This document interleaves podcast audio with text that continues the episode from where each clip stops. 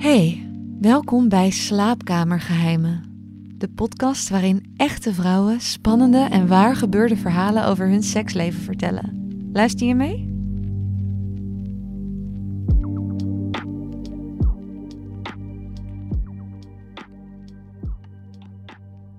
Het was een maand geleden of zo. Ik zat met een vriendin op een terras toen we chance kregen met twee mannen aan een ander tafeltje. Vrij snel daarna kwamen ze bij ons zitten. En normaal ben ik niet zo van het flirten, maar ik voelde me heel brutaal die avond. Op een gegeven moment wilde mijn vriendin naar huis en we vertrokken. Bij het afscheid gaf ik mijn nummer aan de man die ik het leukst vond en fluisterde in zijn oor dat hij me over tien minuten moest bellen. Ik liep weg om mijn vriendin naar haar fiets te brengen en hij belde. Of ik nog even met hem en zijn vriend mee naar huis wilde voor een drankje. Nou, dat wilde ik wel. Eenmaal daar werd het al snel meer dan een drankje natuurlijk.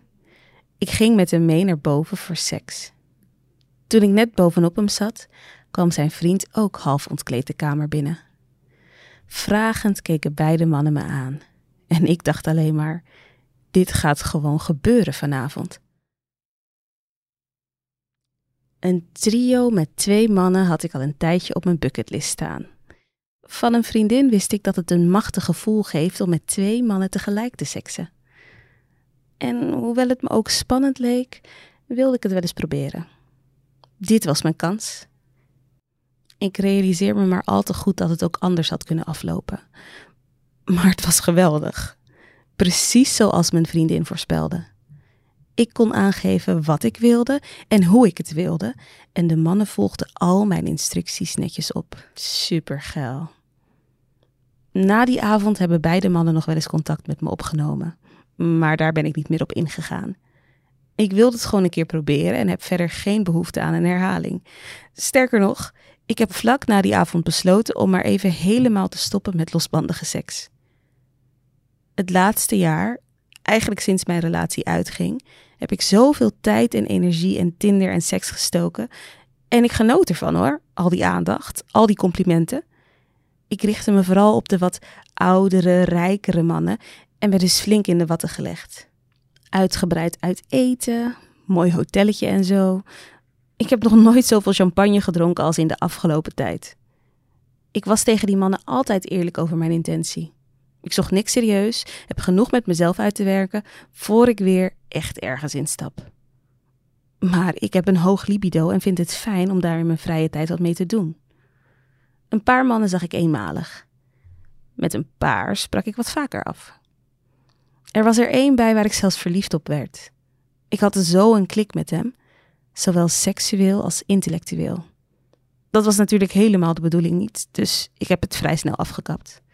Ik had niet voor niks met mezelf afgesproken alleen voor de fun te gaan en niks serieus te nemen. Ik heb echt genoten van mijn tijd op Tinder. Maar ik voelde me er soms ook een beetje dubbel over.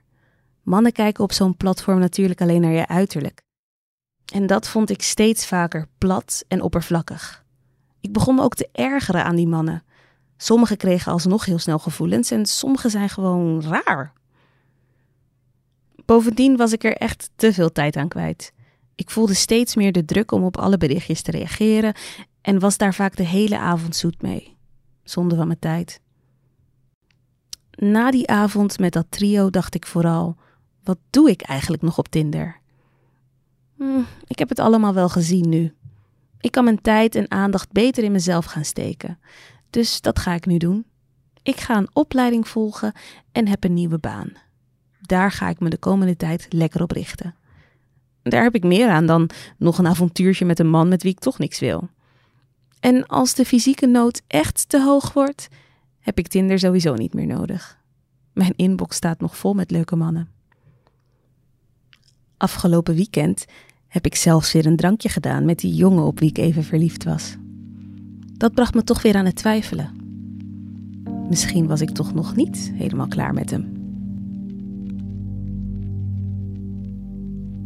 Bedankt voor het luisteren. Voor meer verhalen ga je naar libelle.nl/slash slaapkamergeheimen. Heb je zelf een spannend verhaal dat je anoniem wilt delen? Stuur dan een mailtje naar redactie.libelle.nl.